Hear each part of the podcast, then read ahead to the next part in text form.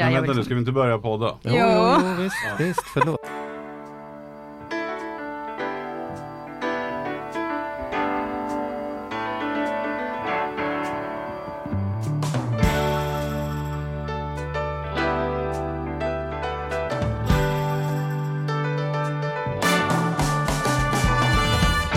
Hej och välkommen till Ekonomi på riktigt med Charlie och Mattias. Du sa välkommen. Ja, vad ska man säga då? Nej, jag vet inte, vi brukar säga välkomna, men det är ju, tänker att man lyssnar väl kanske som människa och ja, inte som att det är kollektiv. som sitter, ja precis. Det är inte som att hela familjen samlas vid radioapparaten hemma och rättar in. Nu ska vi lyssna på podden. Nej, det är nog inte så. Det är nog Hur mår du. Charlie? Du, det är bra med mig. Ja, vad skönt. Det är bra med mig. Ja, Ja. det är snart jul. Snart är det så, och min son ligger hemma eh, eh, förkyld. Mm. Eh, så att eh, jag har ju gjort sån här, jag har varit hemma med honom hela förmiddagen Mm. och strykit stryktvätt.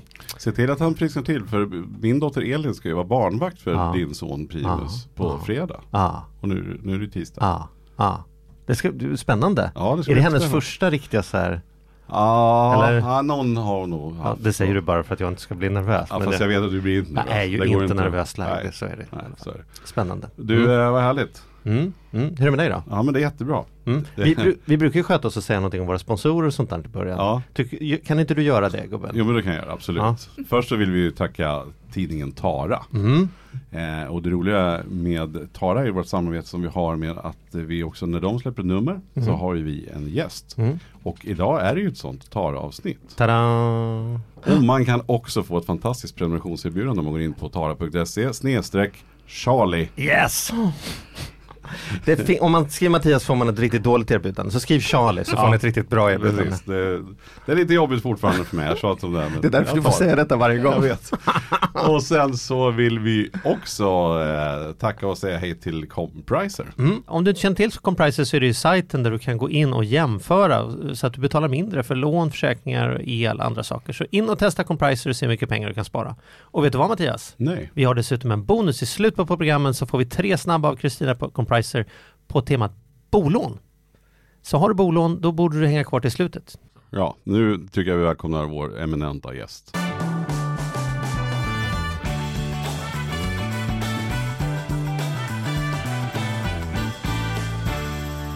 Varmt välkommen till oss! Varmt välkommen Johanna Schuster! Wow! Tack så hemskt mycket. Uttalar jag det efternamnet rätt? Typ Schuster. Schuster? Ja, Ja, snyggt. Det var ju fel då, man. Artigt. Ja, Ja, det kan men nu fick vi det sagt. Det är inte Ja. så noga. Nej, men då fick vi Johanna, vad roligt att ha dig här. Ja, tack jättekul Vi att vara har här. jättemycket frågor till dig. Har ni? Ja. Oj. Men då Ja. tänker jag att vi måste liksom ta det här lite från början för det är ju Mm. att du, har, du gjorde en ganska stor förändring av din livssituation ju, Mm, mm. 2013. Ja. Och då tänker jag så här, vad, vad, berätta lite innan, vad, varför gjorde du det? Och hur, kom Ja, hur var livet innan? Ja, hur var Ja. livet innan Bygg upp den här nu då får vi. Jag ska försöka bygga upp det här. Ja, livet innan, alltså om man säger så här, det var, det som hände 2013 var att allting hade gått eh, lite för fort under väldigt lång tid. Ehm, jag hade bytt jobb eh, sju gånger på sex år, eh, flyttat 14 gånger mellan Mm. tre olika städer. Eh, Oj. Det var liksom, ja, eh, det, det var ett tempo som eh, inte riktigt funkade. Men vad jobbade, hade du samma sorts jobb? Ja, Eller 14, gjorde du fly- inte? 14 flyttar sju jobb, då är man ju bärplockare tänker jag. Det måste, måste vara svaret. Jag, jag, kan, jag, jag, jag tänker på, eh, ni satt ju här med, med, med LinkedIns Nordenchef för Mm. inte så många veckor sedan. LinkedIn. LinkedIn, ja Ja, precis. exakt precis. så. Och då pratade hon om, om de här människorna som, som hoppade liksom mellan olika arbetsplatser som inte är så attraktiva. Det är jag. Mhm. Det är jag. Okej. Eller det var jag kan man Det säga. du, ja, det var jag. Nej men så här, jag, jag hade ett vanligt jobb. Eh, började jobba ja, var det 2008 tror jag. Eh, och fick väldigt, väldigt fort eh, mitt drömjobb. Liksom. Jag satt på Rädda Barnen och jobbade som eh, ansvarig för kommunikationen eh, gentemot eh, IKEA. Som eh, var och tror jag fortfarande är största samarbetspartnern. Mm. Så jag satt på avdelningen för företagssamarbeten. Eh, så att det innebar att jag skulle kommunicera om eh, eh, vad IKEA och Rädda Barnen gjorde tillsammans. Och det här var liksom globalt, så jag satt som projektledare och, och jag var så här, vad var jag, 20, 28? Mm. Eh, Global. Communications Ja, det var liksom Manager, så här- Cheeseburger. Typ så. Ja. Ja. men jag var, jag, jag var precis där jag hade drömt om att vara. Jag trodde aldrig i mitt liv att jag skulle kunna vara där när jag var 28, 27-28 år. Eh, och då kan man ju tro att allting är frid och fröjd så. Men, men det var det inte, utan jag hade jättemycket ångest, eh, ont i magen, eh, alltså fick panikångestattacker på nätterna, flög upp ur sängen och liksom ja, spydde ena och gjorde något annat. Nej, det var liksom, jag var helt eh, ur balans i kroppen. Det var för mycket, alltså var det, Det för var- mycket på jobbet tror du? Eller var, nej. var det, Eh, alltså, hade du jag, inte landat liksom? Så här tror jag. Jag, alltså jag, jag analyserar fortfarande det här. Eh, men det jag har kommit underfund med var väl att det var så att det var allting runt omkring. Alltså det var liksom inte själva jobbet i sig som det var fel på. För jag hade ju liksom det jobbet jag ville göra. Men just allting runt omkring. Att behöva gå till jobbet en viss tid varje dag. Eh, alltså det här liksom infinna sig i en ram. Som ju är, handlar om liksom tider. eh, eh, ja, eh, vissa sociala sammanhang. Eh, mycket det sociala tror jag det handlar om för mig som var jobbigt. Att man kan, jag är en social person men jag har ändå alltid haft väldigt svårt för det sociala. Eh, utåt sett så, så upplevs jag som väldigt duktig på det liksom och inga andra kan kanske ana att, att det finns några, någon, någonting att fundera över där. Nej vi har ju kört ibland i 15 minuter och det är det sista jag skulle ana kan jag säga. Nej men precis, men, men mycket sån här, ja, kring det sociala har varit Hur, hur jättetufft yppar för mig. då? Liksom? Eller hur Ja, typ att jag går och gömmer mig på toaletten på, på, eh, Fester på raster, på fester, Ja. på, eh, och det började redan i skolan. Alltså jag, Ja. jag hade jättemycket bekymmer med det här. Eh, Gud, vi är ju som tvillingar du och jag. är vi? Ingen förstår hur introvert jag är. För att jag har en sån talang i att möta människor. Men det är ju totalt Mm. Är dränerande. det sant? Det där är jätteintressant, för jag har verkligen börjat ifrågasätta sista åren, så här, är jag verkligen extrovert? Mm. Jag tror, för, för jag lever med en introvert. Mm. Och jag känner ju igen mig i honom i så många sammanhang. Så att jag börjar ju liksom undra om att jag faktiskt också är introvert. Hur, Mm. hur, kan inte du beskriva lite hur du?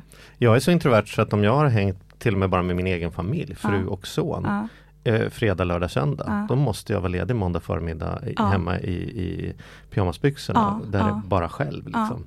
Eh, och nu har jag skruvat upp nivån på känsligheten. Jag har pratat mycket om i den här podden. Liksom, hur Mm. jag kommer i kontakt med mig själv mer. Och då Mm. kan det bli att jag går på fest och är som så här. Nej, nu får jag gå ut och gå en timme här Mm, eh, mm. mitt i kvällen. För jag orkar inte vara i den nej, här vad gör dina barn och Nej, hur har det nej. gått och men gud vad spännande. Jag ska Ja. flytta till Spanien. Så, alltså, så här, Ja, det, ja, det är bara, ja. och det har inget frakt. Det det är bara så här, jag orkar inte. Jag Mm, orkar Men inte. där kommer vi till vad som inte funkade för mig. Mm. Eh, att vara på en arbetsplats, alltså att, att vara i de här sociala sammanhangen, att sitta på mötena, att prestera, eh, ja allt vad det innebär. Eh, det var just det som inte var så lätt för mig. Eh, för jag var tvungen att just ta en vilopaus efter sådana grejer. Och det kan man inte göra mitt i veckan. Man kan inte säga, man kan inte sjukanmäla sig hur mycket som helst. Eh, Visst, jag hade min mage och jag hade olika grejer och jag pratade jättemycket med chefer och sådär. Eh, men då var jag också mitt i det så jag förstod inte riktigt vad som var problemet. Vilket också är anledningen till att jag flyttade vidare. Jag bytte till nästa jobb för jag trodde det var jobbet det var fel på. Mm. Eh, jag flyttade till en annan stad. Jag, jag bytte liksom hela tiden sammanhang. För jag trodde att det skulle bli bättre. Men det blev aldrig bättre. Så att om man liksom avrundar där så kan man väl Just säga att jag eh, gjorde en ganska lång resa för att komma fram till då 2013 att det handlade inte om jobbet utan det handlade om livet. Men kommer du ihåg, liksom, finns det ett utlösande ögonblick eller ett möte med dig själv 2013 som är som så här Vet du vad, nu byter vi strategi här. Nu byter vi inte jobb en gång till eller ort Mm. en gång till. Eller, Jo, alltså det var, det var, man kan säga det var inte bara ett, det var liksom flera. Jag satt på ett ännu bättre jobb kan man säga på många olika sätt. För jag hade liksom gått från det här toppjobbet som för mig var verkligen toppjobbet, eh, till att göra enklare och enklare jobb. Och också mer och mer jobb som knöt an till intressen. Så jag satt på ett ställe där jag jobbade med både kommunikation och inredning som liksom är mitt stora intresse. Och då tänkte jag att då kan det väl bli bra då.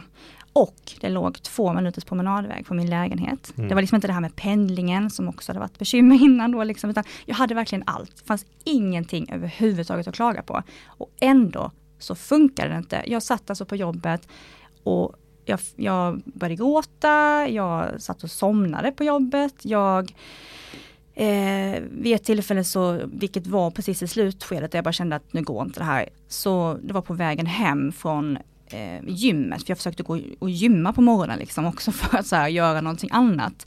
Eh, så klockan sju var jag på gymmet, där jag egentligen bara stod och liksom försökte gå på löpbandet utan att typ tappa luften. För jag hade, så, jag hade sån ångest att jag kunde alltså inte gå utan att få världens liksom, eh, ja, Påslag, hjärtklappning liksom. och påslag precis. Mm. Eh, så att jag, jag tog mig dit, gick på löpbandet, det var det, det jag pallade. Och sen så på hemvägen då en dag så, ja men jag bara stannade cykeln och så bara, jag bara föll ner på gatan och satt och liksom lipade mitt i vägen. Ehm, och då ringde jag, då ringde jag min chef och sa, ja det här, det här funkar liksom inte längre. För jag bara kände så här, jag hade försökt att ha lite samtal och sådär och försökt hitta sätt hur vi kunde kanske förändra så att det funkade mer med hur jag då fungerar och sådär. För att jag hade en väldigt bra chef, ändå väldigt så här, entreprenör som, som ändå tänkte och fungerade mycket som jag. Men sen är det inte bara så, utan det är också så att man har andra anställda att ta hänsyn till alla. Om jag ska börja göra som jag vill, hur gör man med de andra då? Liksom? Ja, Mm. Det är svårt. Ja, det är det är svårt. Men i vilket fall så började det så. Jag, eller började, det- började inte så. Det var liksom lite kulmen på ångesten kan man säga. Att den, den gick inte att hålla hemma längre. Utan Nej. den liksom, jag kun, kunde inte hålla det gömt. ehm, utan det blev liksom öppet, väldigt, väldigt synligt att jag inte var i balans överhuvudtaget. Eh, men ja, Och sen då, vad hände då? Sen, sen tog du något beslut där? Ja, jag tog beslut för jag blev faktiskt sjukskriven. Mm. Eh, och med det så, så, så kände jag bara att jag kunde gjort som innan, fortsatt söka ett nytt jobb. Men jag Mm. fattade ju liksom att men jag, jag, det, det, det, kan ju inte, det kan ju inte bli bättre. Varför skulle det bli bättre nästa gång? För nu hade jag Ja. testat så många gånger. Eh, så att jag gjorde så lite grann eh, som du beskriver Charlie, jag, jag var liksom jag, jag kände mig så, vad ska man säga, Alltså jag kunde inte ens vara i min lägenhet. Jag kunde inte ens vara bland mina egna saker. Eh, så jag behövde liksom fly undan fältet liksom, helt enkelt. Eh, eh, och hade möjligheten, för min bror var bortrest. Han var i USA och hans lägenhet stod tom. Eh, och jag tog bara liksom precis så här min dator, ett par böcker, lite kläder. Eh, och tog mig till hans lägenhet. Bara lämnade min egen lägenhet och så tog jag mig till hans lägenhet. Bara för att liksom få en helt annan miljö. Eh, och där bestämde jag mig för att jag ska inte liksom ta mig härifrån förrän jag har en lösning på, på det här problemet, liksom, Mm. den här utmaningen. Eh, jag ska inte söka ett nytt jobb utan jag måste hitta någonting annat eh, som fungerar långsiktigt för mig. Eh, och vad, förstå vad problemet egentligen handlar om. Eh, och det var inte helt lätt. Såklart. Eh, så. Vad, kom du fram till eller hur gick tankarna där i Eh, bostadslägenheten? Ja, alltså det var väldigt mycket, väldigt mycket gråt och väldigt mycket, jag sov jätte, jätte, jättemycket för jag var ju liksom helt slut så. Eh, men när jag var vaken så satt jag vid datorn och så satt jag och googlade jättemycket på så här byta liv, eh, göra livs, ja, men det var liksom mycket med livsval, livsföränd, livsstilsförändring, jag kommer inte ihåg exakt men, men för mig handlar det om att jag måste byta riktning, jag måste liksom tänka om kring allting jag vet sedan tidigare. Mm. Eh, och bland annat Charlie så hade jag ju, jag kommer inte ihåg för det kan inte ha varit precis i det här sammanhanget, för då var jag så pass dålig så att jag tror inte att jag gick på en föreläsning då, utan det måste ha varit innan. Men jag hade tankegångarna från din föreläsning med mig, det vill säga det här att hur man får ett rikare liv. Mm. Som ju mer handlar om, inte pengar, utan som handlar om att kanske få mer tid, få mer eh, ja, men utrymme för sånt som, som verkligen betyder någonting.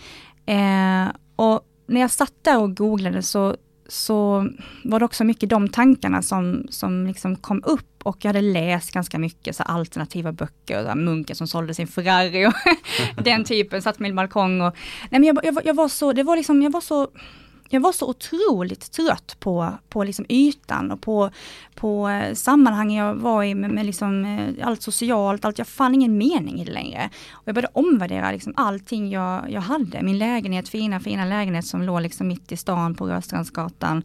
Eh, med kakelugn och, och garage, eget garage och liksom eh, balkong. Ja men det var liksom det, den, den kändes som att den snarare höll mig fången därför att allting jag ägde hade börjat äga mig. Eh, så att det här med liksom att få ett, att tänka på det jag hade på ett annat sätt, det vill säga okej, här sitter jag med en lägenhet. Eh, vad kan jag få för den istället? Alltså lite det här som Charlie då pratade om i sin föreläsning. Vad, vad, vad, vad, vad innebär den här lägenheten för mig om jag byter den mot eh, tid? Det vill säga, vad, vad är det för pengar vi pratar om här? Och för mig så förstår jag att det handlar om att jag kunde få in 15 000 kronor om jag hyrde ut den här lägenheten varje månad. Och för 15 000 kronor så skulle jag kunnat leva som en drottning i Indien. Jag skulle Mm. kunna leva på ett ashram. där jag liksom kunde få tid för det jag behövde, liksom bara återhämtning eller vad det nu var för någonting. Men jag började förstå att okej, eh, eller om det inte är Indien, men jag skulle kunna ha ett litet torp på landet. Liksom. Och för de pengarna både ha råd med torpet och leva hela månaden, mat och det jag behöver. Vilket innebär att jag kan köpa mig tid här. Jag kan köpa mig tid och liksom fundera på vad jag vill med mitt liv. Så det var mycket sådana tankar eh, där i den här lägenheten, eh, min brors lägenhet. Och så hittade jag en kurs som ledde mig till USA. Den här kursen handlade om eh, att eh, fundera på det man har eh, i ett lite annat perspektiv. Jag menar jag hade tänkt så mycket på det här med jobb. För mig hade hela tiden målet var att hitta rätt jobb. Mm. Men den här människan som då heter Valerie Young, hon började en annan ände. Hon, hon menar att om du först funderar på hur du vill leva, vad är det för liv du vill ha? Då är det också lättare att kunna se hur kan du börja tjäna pengar och försörja dig på att få så mycket av det livet som möjligt. Hon, det var egentligen väldigt, väldigt enkelt. Just det, det är inte arbetet som styr livet utan livet som ska styra Livet jobb ska styra jobbet, Ja. precis. Och där någonstans så, eh, från det ögonblicket kan man säga, så har allting förändrats för mig. Och då startar du eget kom du fram till. Inte bara pang så, men jag förstod att saker som jag hade funderat över, eh, det vill säga huruvida jag faktiskt kunde jobba med både inredning och kommunikation och sitta och snickra i snickarboa. Eh, det gick att kombinera. Jag skulle ju faktiskt kunna eh, kombinera olika inkomstkällor därför att det är en jäkla skillnad på att ha ett jobb och att försörja sig. Alltså att försörja sig handlar om att se till att man får in så pass mycket pengar varje månad så att man har råd med det som, eh, ja, som kostar pengar då liksom, Som men, men också som är Ja, nödvändigt. precis. Och det man, ja precis. Ehm, och den här människan då, Valerie, hon, eh, egentligen det hon gjorde var egentligen bara att bekräfta för mig, ja men det är klart du kan. Det är bara matte Mm. liksom, plus och minus. Räkna, vad behöver du tjäna på kommunikationsuppdragen? Vad behöver du dra in på? Hur många möbler måste du sälja liksom på sommaren som du har gjort i ordning i din lilla snickarboa? Hur, alltså, så här, plus och minus. Vad, vad har du för kostnader? Vad behöver du för inkomster? Så. Det är roligt när du, när du berättar din Ja. historia för jag kan säga att när vi då, som inte jag visste förrän vi möttes på parkeringen här ute, att du hade varit och lyssnat på mig. Då hade jag ju ungefär fått samma insikt bara något år tidigare. Mhm. Eh, höll på att hoppa av föreläsandet, bygga utbildningsföretag och sådana saker. Ah. Just därför att eh, det var så jobbigt. Jag hade liksom en, en liten son hemma och det var liksom Mm. full fart och det Mm. var liksom ja, Föreläste nästan varje kväll. Mm, Det var liksom mm. folk som ville överallt och sen hade jag Mm. tv tio skrev. Ja, ja, det. Så jag kommer ihåg att jag gick in då till, till min kollega och sa så här, vet du vad, jag måste sluta. Jag älskar det vi gör men jag håller på att gå sönder. Jag fick sova i, i serverrummet Mm. två timmar om dagen för att orka med mitt eget liv. Och då fick jag en coaching som verkligen förändrade mitt liv och som säkert, även om jag inte pratade om det på scenen, uppenbarligen smög eh, vidare på något sätt. Ja. Och han sa så här till mig, men istället för att hålla på och kämpa med att försöka förändra dig själv Mm. så att du ska få ihop livet, Mm. varför inte förändra ditt liv så att det passar dig istället? Mm, Liksom mm. Sluta med personlig utveckling Mm, mm. och börja med livsdesign istället. Och det, det är intressant det du säger liksom att din tillvaro som, som jag också säkert utifrån sett såg väldigt fantastisk ut med liksom du gör vad du vill lite grann sådär. Eh, det är ju ett tempo som innebär att det tar väldigt mycket, ja men som du säger det fungerar inte med din vardag hemma. Mm. Mm. Och då spelar det ingen roll hur roligt det jobbet är, Mm. eh, för då krockar det. Och det är ju där någonstans man, man, måste, man måste komma till insikt om det. Att till exempel, eh, man säger många människor som börjar fundera på det här med att menar, man kan skapa sin egen verksamhet och sådär och så kommer man på en jättebra idé men till exempel att man, ja, säg, man skulle ha en, eh, ja, säg ett, eh, vet du, bokcafé eh, Mm. eller liknande. Eh, för att man tycker jättemycket om böcker och sådär. Och kaffe. Och kaffe och, och människor och sådär. Men man kanske inte tänker på att det innebär att ja, du måste kanske vara där vissa tider för att det ska funka och fungera de tiderna med hemmet. Och det är kanske ganska mycket administration, och det är kanske ganska mycket, alltså de, att man hela tiden stämmer av. Är det någonting som jag skulle trivas med? Skulle det fungera med mitt liv? Eh, så att man inte glömmer bort just hela tiden här, ställa sig den här frågan, okej funger, fungerar den här idén verkligen med, med hur jag vill leva?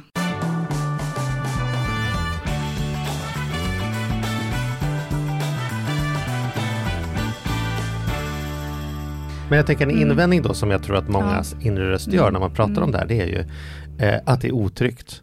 Man vet vad man har men man Mm, vet inte mm. vad man får. Nej. Hur starta eget eller bli Mm. liksom författare eller vad, vad helst. Här, Det är ju förknippat med risker. Hur ska Mm. vi få ihop det? Nu Mm. har jag en fyraårig barn att tänka på här också. Mm. Det finns Mm. en Ja, ganska ja, stark vet, röst. Men- vad, men- vad, tänker du om det? För Ja, jag tänker så här. Hur, hur skulle du känna om, om du liksom om du är rädd för vad som händer om du lämnar jobbet. Fundera då på vad som kommer hända om du inte lämnar jobbet. Alltså vad är liksom risken då? Hur kommer du må? Hur kommer dina barn se på dig om du fortsätter att köra på på det här sättet och må på det här sättet?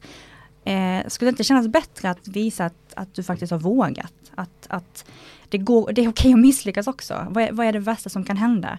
Eh, och att visst, du får gå tillbaka. Ja, fast ja, fast ja. Ja, visst, absolut. Det kan man också göra. Och jag, jag tänker så här, jag är liksom inte emot att ha ett fast jobb. Absolut inte. Vi kan prata mer om det sen. Men eh, jag menar, det här att tänka, värdera riskerna mot varandra. Okej, vad är risken om jag liksom lämnar? Men vad är risken om jag stannar? Alltså faktiskt, vad, vad, vad skulle kunna bli konsekvensen av det? Om man faktiskt verkligen mår dåligt av att vara på det stället.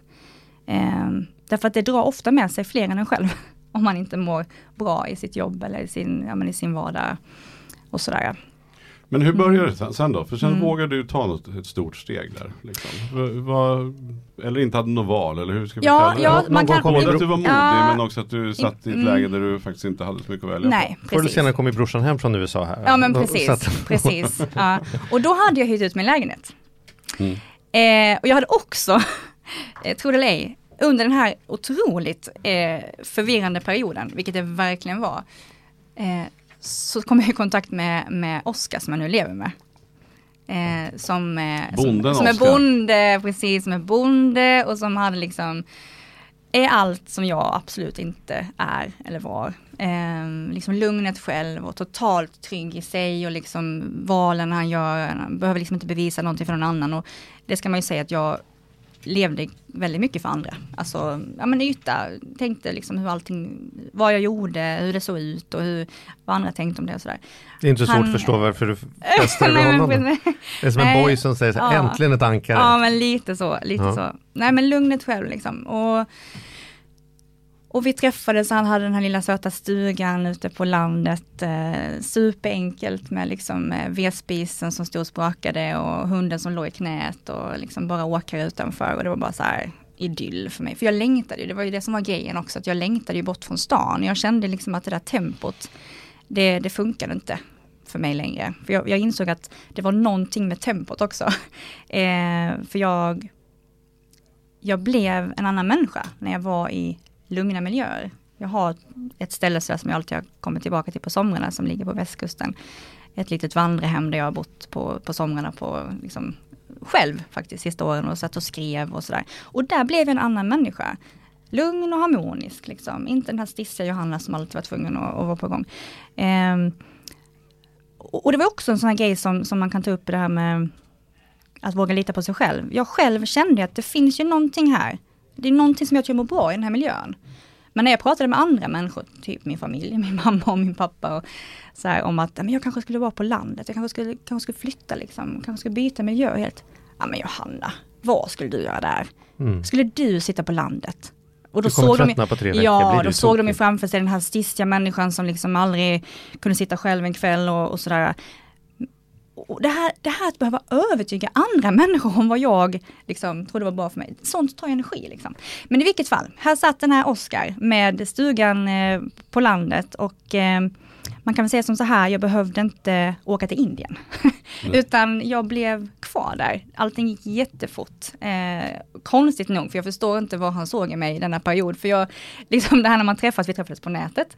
Eh, och att träffas i det skedet i mitt liv, där jag verkligen inte visste någonting vad jag ville, knappt vem jag var. Eh, vad jag skulle göra imorgon liksom. Eh, och att han ändå då kunde ja, men, se mig i allt det bruset. Det är ju rätt beundransvärt.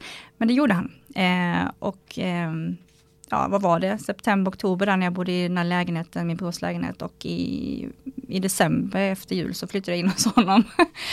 och då hyrde jag ut min lägenhet som sagt. Ehm, allting gick väldigt, väldigt fort där. Men jag, jag hade liksom bara bestämt mig, just det här att jag ska inte gå tillbaka. Så att eh, bort med lägenheten och, och så börjar vi om på ny kula. Du kallar dig ju nu mer för livsdesigner. Ja. Det har jag aldrig hört någon som jobbar som. Nej, nej precis. Och det här liksom att grejen att skapa sig ett eget jobb, det är lite grann det jag gjort. Mm. Jag kallar mig för livsdesigner för att det är det jag känner att jag gör. Jag hjälper människor att designa om sina liv efter hur de vill leva, inte liksom efter hur de måste jobba. Ehm, Och när man kommer till det, om man vill Mm. göra det då. mm. Kan vi, nu gör vi det här avsnittet i samarbete med Tara Ja. och de, tidningar älskar ju så här tipslistan. Ja just det, Så, tipslistan. ja, så vad är liksom tipslistan? Fem, skulle du kunna ge oss här, fem eh, nyckelhål att titta in igenom om man, om man tänker sig nu vill jag börja de, aktivt designa mitt eget liv och Ja. inte bara gå runt i det livet jag råkade få. Liksom. Precis, ja men alltså det första är ju definitivt att fråga sig vad Alltså lyssna på sig själv, att liksom sluta lyssna på andra, alla andra och fråga sig själv vad, vad vill jag göra för någonting med mitt liv? Vad, vad, hur ser mina drömmar ut? Och faktiskt att försöka visualisera det. Hur skulle en dag se ut? Eller hur skulle ett idealår se ut för mig om jag fick bestämma? Jag kanske inte skulle vara i Sverige hela året. Jag kanske skulle vilja liksom vara i Italien ett par månader eller ja men okej, om, om, om, om det liksom är mina premisser, vad måste jag göra, vad kan jag göra då? För någon form av aktivitet, för någon form av jobb för att få in pengar, om jag nu då är, måste vara portabel. Men Menar liksom att, och är det två möten eller är det liksom samma möte? Liksom vad vill jag och hur sjutton ska det gå till? Eller, möten, jaha du menar mi- när jag jobbar med klienter? nej det- men med sig själv? Jaha, med sig Eller- själv. Ehm, För jag menar lätt är ju annars här, jag vill Mm. Italien men det går inte. Och jag skulle Mm, vilja bo på ja, landet nej, men, men- det funkar inte med nej. skolan. Och jag har, alltså så att Ja. man kommer väldigt fort ja, in på ja, nej men precis. Nej men det, det, det första är verkligen, det första är verkligen att fråga sig hur man vill leva. Det är liksom, våga liksom skriva ner och collagea och precis. drömma och tänka när och jag- bara utgå ifrån att det finns en lösning där ute. Precis, liksom. när jag jobbar med mina klienter så, så får alla alltid en uppgift. Och det går väldigt mycket ut på att på olika sätt försöka komma åt de där drömmarna. För att det är inte helt självklart, som du nämnde innan där, Mattias, Mm. att ens komma åt drömmarna, att veta vad man vill. Det är inte självklart för alla. Det är jättesvårt därför Mm. att man är så låst, eller man säger jag, många är väldigt låsta vid att ja, men det är så här det ser ut, det är så här det fungerar. Så de har till och med svårt att tänka utanför den här boxen. Liksom. Mm. Så jag kan också tänka att det kan vara ett. det finns ju många lyxproblem i det här. För vi har ju en väldigt hög standard idag. Mm. Det finns många som har väldigt, kanske för mycket att välja på också. Mm. Alltså det finns så många möjligheter man Mm, skulle kunna mm, göra. mm. Vilken dröm av alla de här skulle jag helst vilja då?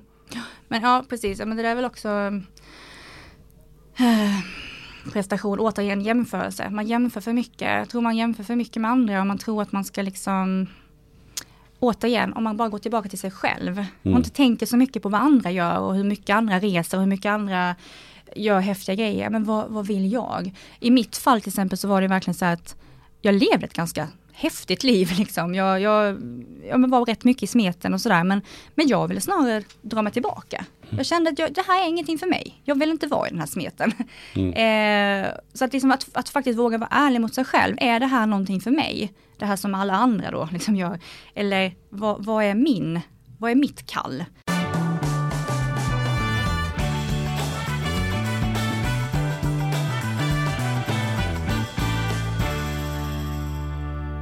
Men när du möter dina klienter, är, Mm. så finns det den här rädslan som jag upplever i alla fall att jag hörde mycket förr. Kanske Mm. i dagens är det mer så här, går för dina drömmar men Mm. jag tror att Mattias fiskar lite efter det här också att om man, om man får det man drömmer om så Mm. kanske det inte är så kul att ha det längre. Jag Nej. älskar att segla så det gör jag två, Mm. två liksom veckor på sommaren. Då skulle Mm. jag kunna bli segelkapten på en båt men då Mm. gör jag det hela dagarna. Mm. Då kommer jag inte vilja segla längre. Eller jag Mm. älskar att Mm. baka kakor, då öppnar jag Mm. bageri. Jag kommer spy bara jag ser en kaka. Mm. Så finns en Mm. Rädsla för Mm.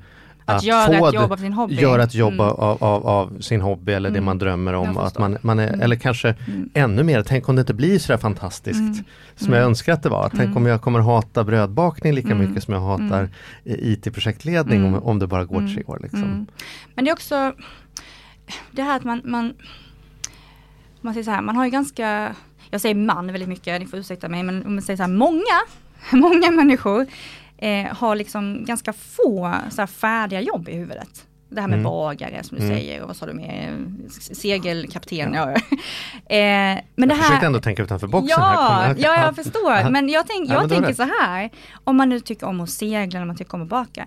Ja, man kanske inte, det finns ju så många sätt att kunna jobba med det. Eh, förutom de här traditionella jobben. Där du kanske får en gnutta av det. Men du får också en gnutta av ett annat intresse. Säg att du, ja men det här med bakning, ja men du kanske oh, inte bakar, du kanske kör liksom kurser för andra. Då får du liksom utlopp för din eh, sociala, eh, ditt sociala behov. Du vill träffa andra människor, eh, för du vill inte jobba på nätterna. Till Mm. exempel så, ja, så Mm. det går bort. Så, ja, men hur kan du då liksom använda det intresset och din, ja, din kunskap, men liksom kanske mot en annan målgrupp, i ett annat sammanhang. Det, det, det är så jag försöker jobba, alltså mycket att tänka hur kan man använda det man har och det intresset man har kanske då eh, på ett sätt som, ja, men som gör det förenligt med, med liksom livet. Och jag, jag vet att jag inte riktigt har svarat på din fråga. Men, jo men jag, jag hör svaret och det är ehm, kanske ja, att vi, vi generellt sett borde sluta leta efter att det ska bli ett jobb Precis. som ska lösa alla våra Precis. problem Du och våga mycket. leva med att man är eh, lite mer ja. levande diverse människa. Ja. Liksom. För jag, för Mm. jag tänker så här då. För i ditt fall så var det ju, vart det så konkret. Liksom, Mm. Att jag måste göra något helt annat. Mm. Du hade provat och provat och provat. Så Mm. bara, nej nu bryter jag. Så. Mm. Men om man är 40 och har två barn och, Mm. och man bara känner att det här är inte jag. Mm. Liksom. Om man behöver ta ett mindre, för dig var det ett stort drastiskt Mm. steg. Men om man Mm. tänker att du är i, en annan situation där, Mm. du inte, där du inte bara kan Mm. packa ihop Mm. och, och, och vara utan ett tag och hitta en Oscar. Mm. Alltså man kanske man tycker om sin man och, Mm. och man måste ju försörja barnen. Mm. Och, Mm. men man vill göra en förändring. Mm. Mm. Man känner att jag är trött, jag är snurrig i huvudet, jag är fan på gränsen till jag spyr på jobbet Mm. nästan. Mm. Jag räknar ner dagarna till semestern Mm. och på semestern Mm. räknar jag ner dagarna Mm. tills jag Ja, måste tillbaka. Ja, precis, precis. Vad, finns det, måste finnas där vad, vad tänker du? Vad är, Mm. vad, är, vad är vägen där? Ja, men jag tänker så här. Om Du man nu- frågar för en kompis räkning. Jag, jag tänker så här, eh, om vi nu pratar om att du inte vill ta steget och liksom starta eget och sådär till exempel. Så tänker jag att det finns ju faktiskt ett annat alternativ också. Det här som är att, att vara kvar där man är. Men att också faktiskt vara, ta samtalet med, med sin chef eller liksom med sina kollegor. Sådär. Jag gjorde det en gång. Jag fick faktiskt väldigt bra gehör för det. Men det var innan jag sa upp mig Mm. helt. Jag föreslog att kan inte jag få göra det här jobbet någon annanstans ifrån? Eh, därför att jag längtade, jag, jag kände så, jag var 32 knappt år, singel. Hela liksom kändes som att jag har alla möjligheter men jag sitter ändå fast. För jag sitter ju fast för att jag måste vara här varje dag så jag kommer ju ingenstans. Och när jag är ledig så, ja det är inte så lång tid jag är ledig sådär. Så att jag började liksom känna att, men, åh, om jag bara fick mer frihet i var jag är någonstans så skulle jag inte ha något problem med jobbet liksom. Så jag föreslog att, ja men skulle, för jag menar kommunikation då som jag gjorde, ja, men, man är ganska portabel så här. Jag kunde ju faktiskt göra det varifrån som helst. Och väldigt många idag har jobb som man faktiskt kan ta med sig. Det är ganska få jobb som där man sitter helt fast, ja det är en hel del men väldigt många Fly, jobb som är flygkapten fria. måste man ja, vara då, i cockpit. då får man nog kan sitta man i, ja, Ja. precis. Eller om man målar så är det bra. Men om man säger så här, det är väldigt jobbar mång- hemifrån idag. Ja, det är många jobb som, som man kan faktiskt idag vara väldigt flexibel, Ja. men man är det ändå inte på Ja. grund av en viss kultur skulle jag vilja påstå då. Men då menar jag att våga liksom ta det där samtalet. Hur skulle det se ut om jag till exempel skulle kunna sköta jobbet ifrån Italien två månader här nu? Om man har en plan för, kan vi ta mötena på det här sättet istället? Eh, Jag lovar att göra uppföljning på det här sättet. Eh, Och dessutom, vad finns det för fördelar med att jag faktiskt befinner mig på en annan plats och utför ett jobb? Vad kan man få för, vad kan företaget dra för nytta av det att jag faktiskt sitter någon annanstans? Vad finns det för plussidor? För det finns nog ofta ganska många plussidor. Vi hade en kundservicemedarbetare som jobbade från Thailand. Ja. Eh, och det var också så här, hur Mm. funkar det? Och vi tittar ju på den som frågar som, men det funkar ju fantastiskt. Ja. Han jobbar ju de Mm. timmarna Ja. när våran personal vill vara hemma med sin familj. Det betyder Ja. att när de kommer in på morgonen Mm. då är alla akuta ärenden som har dykt upp Precis. utanför kontorstid Ja. redan hanterade. För det var Mm. hans kontorstid. Så hade vi ett gemensamt möte, Mm. liksom hans sista timme, våran första. Vet, Mm. så här, det var ju helt fantastiskt som arbetsgivare att ha det på det sättet. Eh, men som du säger, folk går inte in till chefen och säger så här, hur vore det om jag gjorde mitt jobb från Thailand istället? Mm. Då tror de så här, då är det ju sparken Ja, direkt. liksom. precis. Men om det är så pass att du känner att ja, men, att man som sagt mår dåligt och man, det funkar inte så att alternativet är att man liksom slutar och byter eller sådär. Ja men lägg fram det då, för jag menar allt, det andra alternativet är inte bra för någon. Att man slutar och de ska ha liksom en ny rekryteringsprocess och sådär. Eh, så att det här våga, våga ta det där För samtalet. det, för det kan också vara att man mår bra. Alltså Mm. fast man känner att man inte, man är less på det, man har, man har gjort samma sak i 20 år och man mår bra, allt är Mm. eh, bra men man känner inte att man verkligen gör det man skulle vilja. Man kanske har drömt om bageriet och det var det vi var inne på. Kanske börja då, för det behöver inte vara att man är utmattad heller. Det- Mm, nej men precis. Utan det kan ju bara vara jag måste sadla om Ja, men ja. det är en lång process att göra Ja, det. Och då tänker du, du var inne på kvällskurser, man liksom måste liksom ta sig för och försöka Nej, om man men- ska sadla om eller om man nu ska försöka göra något annat. Mm, Hur ska nej, man göra då? då? Nej men jag tänker att man gör det vid sidan om. Alltså det vill säga man tänker vad skulle jag kunna göra för någonting eh, utifrån det jag har i form av liksom kunskaper, erfarenheter, tillgångar, man kanske har någon liten hydda på tomten man kan hyra ut. Nej, men, eh, fundera på det, här, vad har jag för någonting? Eh, och titta på det med andra ögon, alltså titta på den här kompetensen man har också med andra ögon. Säg att, jag menar som nu, jag satt med till exempel en, en, en VD liksom inom Svenskt Näringsliv som ja, men som tycker det är jättekul med, med att jobba med människor och med arbetsmiljö och sådär. Men hon var superintresserad av eh, inredning och mode och, och längtade efter att kunna komma till Italien flera gånger per år och sådär. Hon var trött på att sitta och städa upp liksom inom organisationen. Och, och vi hade då ett möte och hon funderade på vad, vad kan jag göra Johanna för någonting? Har du några idéer liksom? Jag kan inte, kan inte se vad, vad ska jag ta vägen? Eh, och just det att kunna, ja men okej, hur, hur skulle du kunna använda det? Du är ju supererfaren människa, eh, jättebra liksom eh, nyttig kunskap som du skulle kunna använda bara på ett annat sätt, där du får med det här. Och då fanns det mängder av idéer eh, där hon helt enkelt får jobba med, ja men vi hade idéer, allt från liksom att ja, men, ha ditt, skapa en egen arbetsplats, eh, kontorshotell. Eh, du kan bli liksom, eh, det finns ju många kontorshotell, så att då kanske, ja men vad är din nisch då? Ja men se till att du finns där som en, en, en, en eh, mentor. Att det finns, jag menar, trenden ser ut så att fler och fler startar eget företag. Fler och fler kommer behöva sätta sig någonstans, man vill inte sitta hemma kanske. Eh, vad kan du bidra med till de här människorna, förutom en trevlig miljö, eftersom du är duktig på inredning och sådär. Eh, ja men du har ju liksom hela det här kunskapen med krishantering, kanske kunna hjälpa människor där med, ja men hur sköter vi, hur ser vi till att bygga vårt team här liksom på ett bra sätt. Alltså ta in, se hur du kan använda kunskapen eller börja jobba med liksom mot ledare, eh, med deras garderober. Eh, Det är också ett problem att, att många känner att ja, men, i Sverige klär vi oss så likriktat. Hur kan man liksom bli mer personlig, kommunicera tydligare med vad man har på sig. Ja, men gå ut och köra workshops för företag, liksom. prata om vikten av rätt kläder liksom, och hur kan man bli personlig. Och, ja, men, det finns Ja ju men jag för, men du vet, och jag noterade, du var ju ja. snabb när vi såg direkt så påtalade du att Charlie så var väldigt välklädd.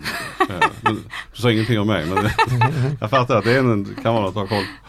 Nej då, men så här, ja men jättebra tips. Jag vill också Eh, säga att i helgen har jag en workshop för poddare, hur man är välklädd när man poddar. Ja vad bra, ja, vad härligt. jag tänker det känns viktigt eftersom Ja. många lyssnar. Ja. Nej då, skämt åsido.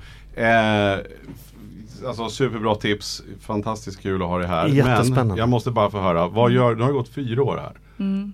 Det är lång tid för dig. Mm. Vilket känns som ett ögonblink för mig. I, Mm. Men jag sysslar med. Eh, Men eh, då undrar jag, hur ser det ut om fem år? Om fem år. Vad gör du då? Då skulle jag vilja ha mer, dels har jag min bok ute. Mm. jag håller på och skriver. Eh, jag kommer antagligen ha fler workshops och eh, retreats, men på andra ställen i världen. Eh, nu har jag två små barn hemma, men då är de lite äldre och jag kanske kan åka iväg en vecka. Liksom sådär. Och, eh, jag skulle gärna liksom kombinera att man, man, man kör kurs i det här, eh, att man också får testa någonting annat. Man får surfa eller man får... Men du bor Ja. huvudsakligen på Jag Riksan? bor, jajamän, jag bor på landet. Eh, Det blir ingen tre på Rörstrandsgatan igen? Nej, för sören. Mm. Men återigen, jag kommer in ibland och så njuter Mm. jag liksom av pulsen. Men sen så är det så skönt att få komma hem till, Mm. till lugnet på landet. Nej men jag vet inte, jag gör nog bara mer. För nu, jag har ju som sagt fått två barn de här åren. Så det har ju liksom, jag har ju suttit och väntat ganska mycket på att få så här bara köra. Mm. För att det, det känns som att det är verkligen någonting som människor funderar mycket på. Det här med livet och jobbet. Vad Eh, härligt. Mm. Mm. Du har så också Ja, pussel med barn att få ihop. Det är också en, Ja en, men precis. en härlig, Det gör- det gör vi ett eget avsnitt på. Ja. det gör vi. Ja. Tack så jättemycket för att du kom igen. Ja, tack snälla för att jag fick Tack. vara med. Tack. Dagens Snabba med Compriser ska handla om bolån. Precis. Är det verkligen värt det Kristina att hålla på och förhandla bolån när räntan är typ pytteliten? Absolut. Hur liten räntan än är så är det ju värt för att man kan spara så otroligt mycket pengar på bolån just. Och de flesta av oss har ju bolån. Så det finns mycket att spara där. Och hur ska man göra? Man måste förbereda sig först. Det är inte så svårt att... Det här förhandla låter alltid så här krångligt. Men det handlar egentligen bara om att gå till lite olika banker. Så man måste förbereda sig först. Så man känner sig redo när man ska liksom gå till sin bank. Och hur tänker du med att förbereda sig då? Ska man läsa på sin egen ränta och veta vad man har eller ska man liksom titta runt sådär? Hur, ska man hur tänker du när du säger förbereda? Det är superbra att veta vad man har för ränta idag. Det är jätteviktigt. Men sen ska man också titta vad erbjuder de andra bankerna för ränta just nu. Och då finns det något som heter snittränta som är eh, snittet som de egentligen då betalar ut. Och det är den ränta som är intressant. Så man kan titta vilka banker ger bäst snittränta ju- just nu. Och sen så skriver man ner sina egna uppgifter lite så att man har koll på det när man ska prata med banken. Det vill säga hur mycket, hur mycket pengar kommer in, hur mycket pengar går ut och hur mycket pengar vill jag låna och hur mycket är bostaden värd. Så då är man förberedd. Har man något extra för att man har med sig, gjort sin budget? Så detta är mat, detta är kläder och sådana saker. Det är Jag det- tror inte man behöver göra på den nivån, men Nej. banken vill gärna veta hur mycket tjänar du, hur mycket kommer in till hushållet och är man två så bör man sammanställa det. Och så vill de veta, har du några andra lån etc. Och det är väl det viktigaste för banken att veta att de får ihop kalkylen så att säga. Det vill säga att det finns tillräckligt Precis, de måste veta vilken ränta kan jag erbjuda dig, hur Ja. bra ekonomi har du och hur mycket vill du låna. Vad gör jag sen då? Nu har jag förberett mig, papperna är här. Nästa Precis, då eh, är det en omförhandling att man redan har ett lån så får man gå till sin nuvarande bank och så säger man hej, det här är jag, vad får jag för ränta? Då kommer, om man vill slippa de här eh, betalningsuppgifterna, alltså att de ska ta UC på en, så att man, eh, som är dumt att ha för många, då kan man bara fråga banken ungefär vilken ränta skulle jag få? Och då kommer man få en ränta och då säger man tack, jag kommer gå till några andra banker också. Så att man visar att man är liksom lite om sig kring sig. Hur farligt är det här med UC-sökningar? För det hör man ju ofta att folk är rädda för att prata med flera banker. För helt Några stycken fyra- är absolut ingen fara, men har man kanske tio stycken, om man är väldigt duktig och har kanske lite olika saker och man går till många olika aktörer, då kan banken tro att, att man eh, liksom har lite dålig ekonomi, man behöver många lån och sånt och då kan man få sämre ränta eller inte alls få ett lån. Men om man förklarar sig och säger, nu har jag varit på tio banker här, alltså nu är det tio UC-sökningar, men de har kommit den här veckan allihopa, för nu jäklar ska vi göra det här. Fast, Absolut. fast då är det ju smart som Kristina säger att man inte behöver det. Man kan väl börja med att bara kolla ungefär vad skulle Ja. jag kunna få. Och sen när det Ungefär. blir skarpt läge så får det bli en. Precis. Man kan ju också gå till en bolåneförmedlare, de tar ju bara en och så kollar de på alla, eller många banker. Det, det funkar Då ju också. slipper man det. Ja, precis. Bra, har vi fler råd? Ja, ehm, sen så ska man ju då gå till flera banker, kolla vad kan jag få för ränta. Eh, och man behöver liksom det här förhandla, man behöver inte förhandla, man behöver bara fråga vilken är den bästa räntan ni kan ge mig. Och sen tittar man på bäst, bäst ränta som man får då, så går man tillbaka till sin bank och säger nu fick jag den här räntan hos den här andra banken, kan ni ge samma? Och kan de inte det så ska man byta bank. Det är inte så krångligt och det finns mycket pengar att spara om man får ner den. Ja, för det där sköter väl den nya banken, alla, allting som förs över och, och med autogiro och nya grejer. Precis. Utan är det en pigg bank så löser det. Precis, de gör det och man behöver inte byta kontot, man behöver inte byta pensionen och allting det här som är krångligt som man tycker alla räkningar. Man kan behålla sin bank men man byter bolånet. De flesta banker godkänner det idag. Så det är ganska enkelt. Tack!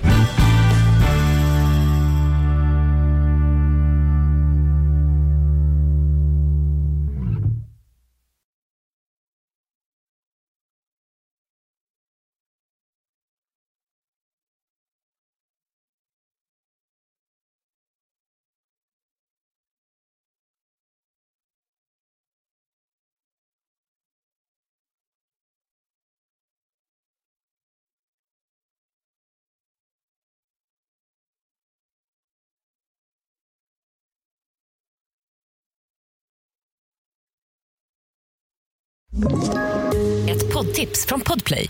I podden Något Kaiko garanterar östgötarna Brutti och jag, Davva, dig en stor dos skratt. Där följer jag pladask för köttätandet igen. Man är lite som en jävla vampyr. Man har fått lite blodsmak och då måste man ha mer. Udda spaningar, fängslande anekdoter och en och annan arg rant. Jag måste ha mitt kaffe på morgonen för annars är jag ingen trevlig människa. Då är du ingen trevlig människa, punkt. Något Kaiko, hör du på Podplay. Därför är gardinerna.